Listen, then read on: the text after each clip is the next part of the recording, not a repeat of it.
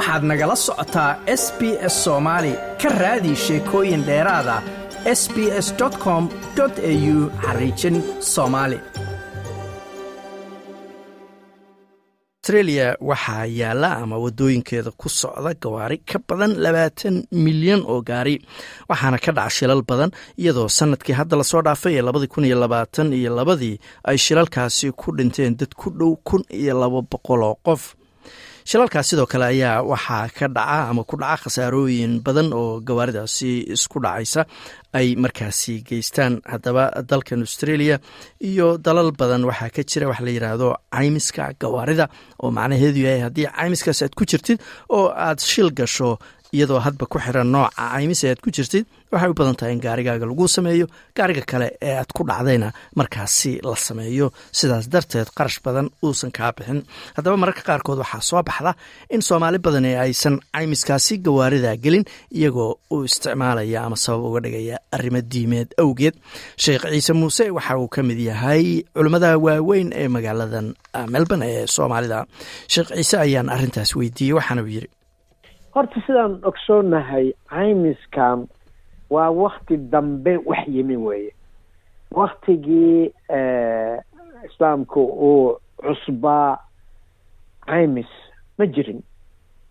Ma jirin. Sababtoo wax la cayminayaba ma jirin waagaas. Laakiin marka lagu noqdo shareecadu shareecadu wakti kastaba shaqay ku leedahay axkaamta markii la dhex galo waxaa laga helayaa criteria wax la yidhaahdo kaasaasuu ku xiranya kaas kaasuu ku xiranya kaas kaasuu ku xiranya ayay ku xiran tahay. Marka haddaan hadda hal aayad soo qaadano ilaahi subxaana watacaala aayad qur'aanka wuxuu ku leeyahay diintiinu ma adka way fududahay. Ha isku adkaynina. Adinku ha isku adkaynina. Waxaa fasiray qowl uu nebiga calai slat salaam uu yiri xadiis uu ku yiri qof alla qofkii diinta isku adkeeya oo cidhiiri isaga dhiga isagay cidhiiri ku noqonaysaa wax aan loo dirsan oon la weydiin ayuu gelayaa marka hadday sidaa tahay arrintu fasadiduu waqaaribuu istoosiya adinka oo xagga wax ka qabso xagga wax ka qabso xagga wax ka samayso soo dad dhow dhow noqda oo aan fogaan aan fogaanin oo aan nolosha diinta aan ku fogaanin iska dhiga. Khalad iska ilaaliya dembi ilaaliya. Inta haddaad ka iska ka adkaataan wax dhibaato ah ma jirayo. Waa garta. Marka sheekh ciisow muhiimadda maanta waraysigan waxa weeye dabcan caymiska gawaarida oo waddankan caadi ka ah mar maaha laba maaha inta gooro aanu maqalay qof soomaaliya oo gaari inta soo iibsaday shil galay oo markaa weydiisid inshurancy ma lahayd ku dhahaya maya inshuransiga waxaa laygu yiri waa xaaraan. Marka xaggee laga keenay inshuransiga ama caymiska gawaarida la geliyo waa xaaraan. Runtii arrintaas waa arrin dadka la weydiiyey ama dadka sameeyey oo aan oo odranaya waa xaaraan. Waa dadaan diin diinta baran weeye qofka hadduuna diinta baran wax walbuu ka oran karaa bal bal aan isla eegno hal xadiis oo nabiga calayh salatu salaam uu sheegay. Nabiga calayhi salatu salaam wuxuu yidhi waxaa jiri jiray nin niman wax reer waxaa jiri jiray qabiil waxaa jiri jiray la ashcariyiin. Ashcariyiin waa qabiil reer yeman ahaa oo had iyo jeer isku xirnaan jiray oo socon jiray marka xadiidkaas wuxuu leeyahay nimankaas ashcariyiinta la yidhaahdo markay faqiiraan oo waxba qabsan karin oo ay ama ama dagaal ha aadeen ama nabad ha joogeen markay fakriyaan ama xoolaha ay haystaan uu yaraado maxay samayn jireen. Waxay samayn jireen in alla inta ay hayaan xogaaga yar yarka ay gacanta ku hayaan ayay isu keeni jireen way isu soo ururin jireen way isu soo ururin jireen. Waxay marka samayn jireen. Qofka waxa yarka ah mara maraa lagu ururin jiray. Waktigaas de waxaan ka hadlaynaa waxa weeye rooti iyo bariis iyo wax yar haruur iyo waxaas wey wax kale ma jiraan. Maray ku ururi jireen. Kadib way qaybsan jireen. Way qaybsan jireen. Dadaan waxba lahayn ayaa meesha ku jira waxaa la qaybinayo ayaa wax ka soo gaarayaan miday yani gacan gacan muggeed ka soo gaarto miday laba gacan muggood ka soo gaarto saasay ay ku socdeen. Nebiga calayhi salatu salaam arrintaa markuu sheegay oo sidaas ay u qaybsanayaan muxuu yidhi? Wuxuu yidhi dadkaa anigay iga mid yihiin.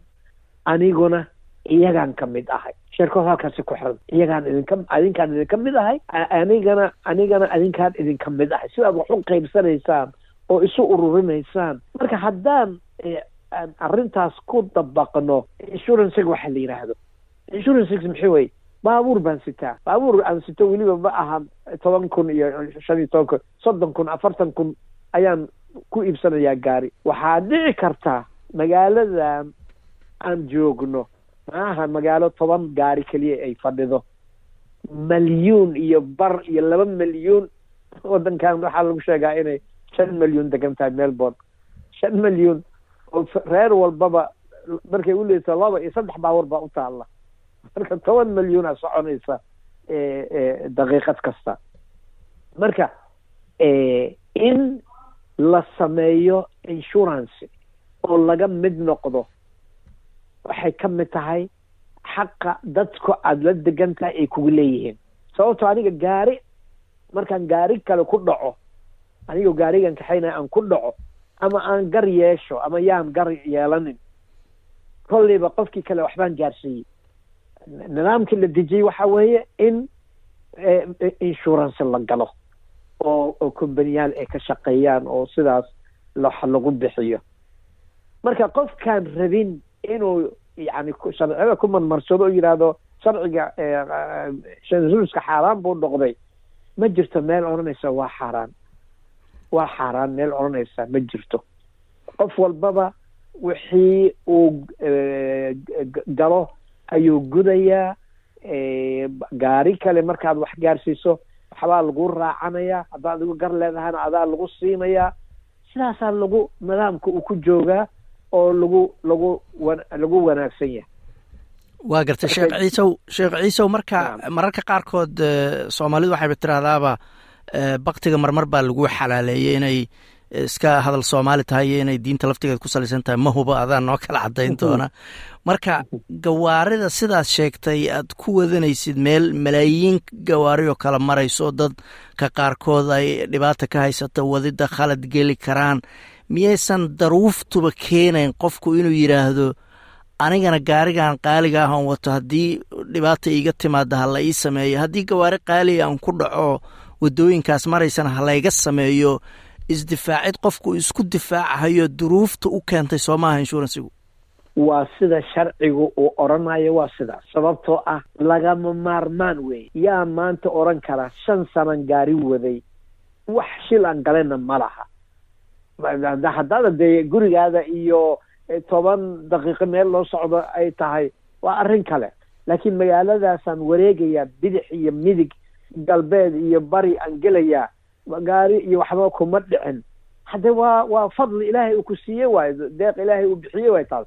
Laakiin arrin laga maarmaan ah weeye in gaariyadu isku dhacayaan gaariyada la wado inay isku dhacayaan waa arrin aan la dafiri karin weeye. Walidaalika islaamku xukunka uu ka dejiyey waxaa weeye haddii daruura ku qabsato arrin laga maarmaana hadday ku soo gasho islaamku wuxuu ku baneeyey inaad aad aada xaqeeda gasho oo gudato. Aday waxaa tiri neef baktiyey waa la cuni karaa. Ha! Waa haddii aad joogto dhul aan magaalo ahayn oo miyi ah oo dhul ballaaran ah oo la rabo inaad reerkaadii ka tagtay reer kale aado oo lug aad ku socoto intaas baabuur kuma socoto lug baad ku socotaa. Shan boqol oo kilomitr lix boqol oo kilomitr aad maraysaa.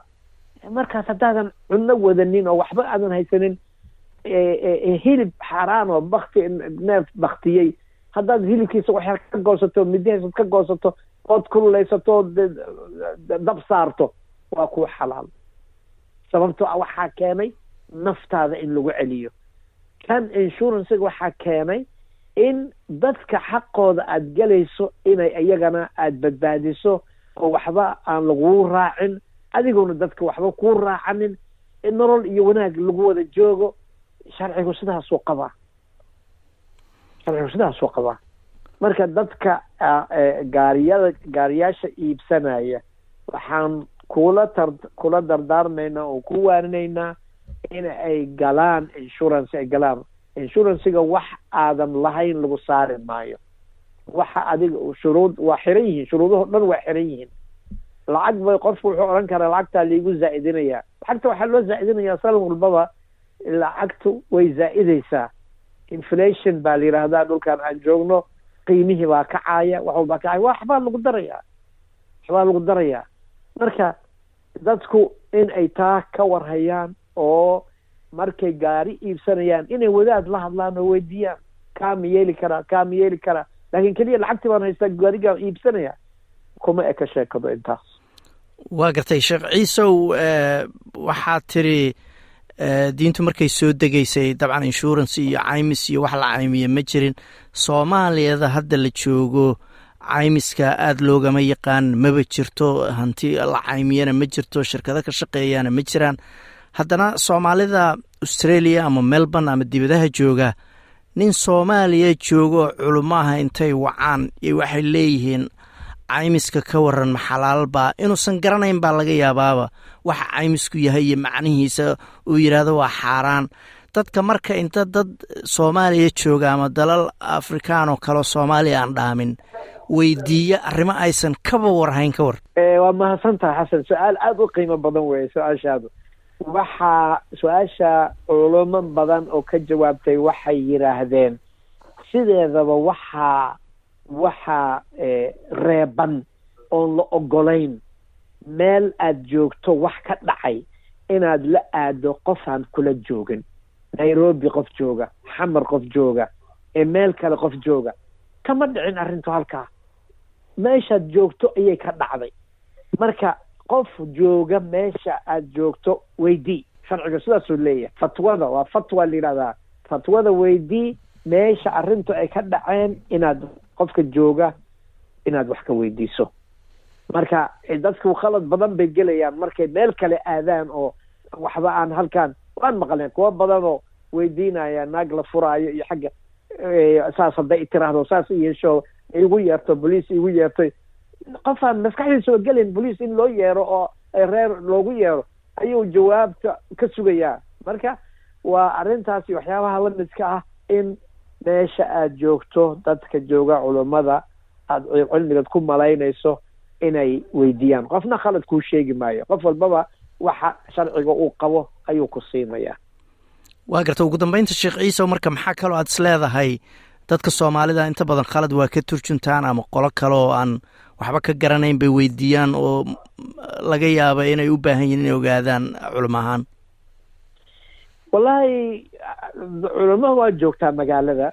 Alxamdulilahi rabbi alcaalamiin culamo kow iyo laba iyo saddex afar dhowr culamo ayaa joogta. Dadku qof walbaba qofka kale wuxuu kaga duwan yahay sida uu baaritaanka u sameeyo. Wixii la su'aalo wuxuu odhanayaa war iikaadiya arrintan waan soo baarayaa. Ilaa wax beena inaan sheego ma rabo. Oo hadhuu igu soo noqdo ma rabo. Marka qofka haddii uu arrinta hayo jawaabteedana markiibuu bixinayaa. Hadday tahay arrin xoogaa culays ku jirana wuxuu leeyahay hala ii kaadiye isuga maalin hebel maalin hebel isoo wac. Baaritaankiibuu samaynayaa. Marka dadka waxaan kula dardaarmaynaa oo ku waaninaynaa inay culamadooda bartaan culamadooda inay wixii su'aal ah oo fatwo ah iyaga weydiiyaan. Qof walbaba diinta isagaa kaa jecel. Culammada iyagaa diinta kaa jecel. Waxaa moodin marna inay khalad kuu sheegayaan oo iyagu u bareerayaan naar inay galaan. A laba saddex nabiga sl xadiid wuxuu ku yidhi qaaliyadu dadka wax la weydiinayo waa saddexood xukun iyo wax la weydiinayo laba naar bay gelayaan midna januu gelayaa. Labada naarta gelaya waa mid aan waxuuna waxba ka ogeyn jawaab ka bixiyey. Iyo iyo isagoo yaqaana haddana dafiray oo ama wax ku qaatay lacag ku qaatay iyo xoogaa ku helay iyo u yeelay. Laakiin ninka jannada ku gelaya waa ninka sida ay tahay wax ugu sheegaya qofka. Waa garta ugu dambeyn baan ku yidhi laakiin su'aal. Kala ii harsan sheekh ciise oo hadda ka horna aan sheekh cabdinuur iyo sheekh maganba weydiiyey. Gabdho soomaaliyahoo magaaladan degan oo bilaabay inay uber eatska ku shaqaystaan markay carruurta iskuol geystaan.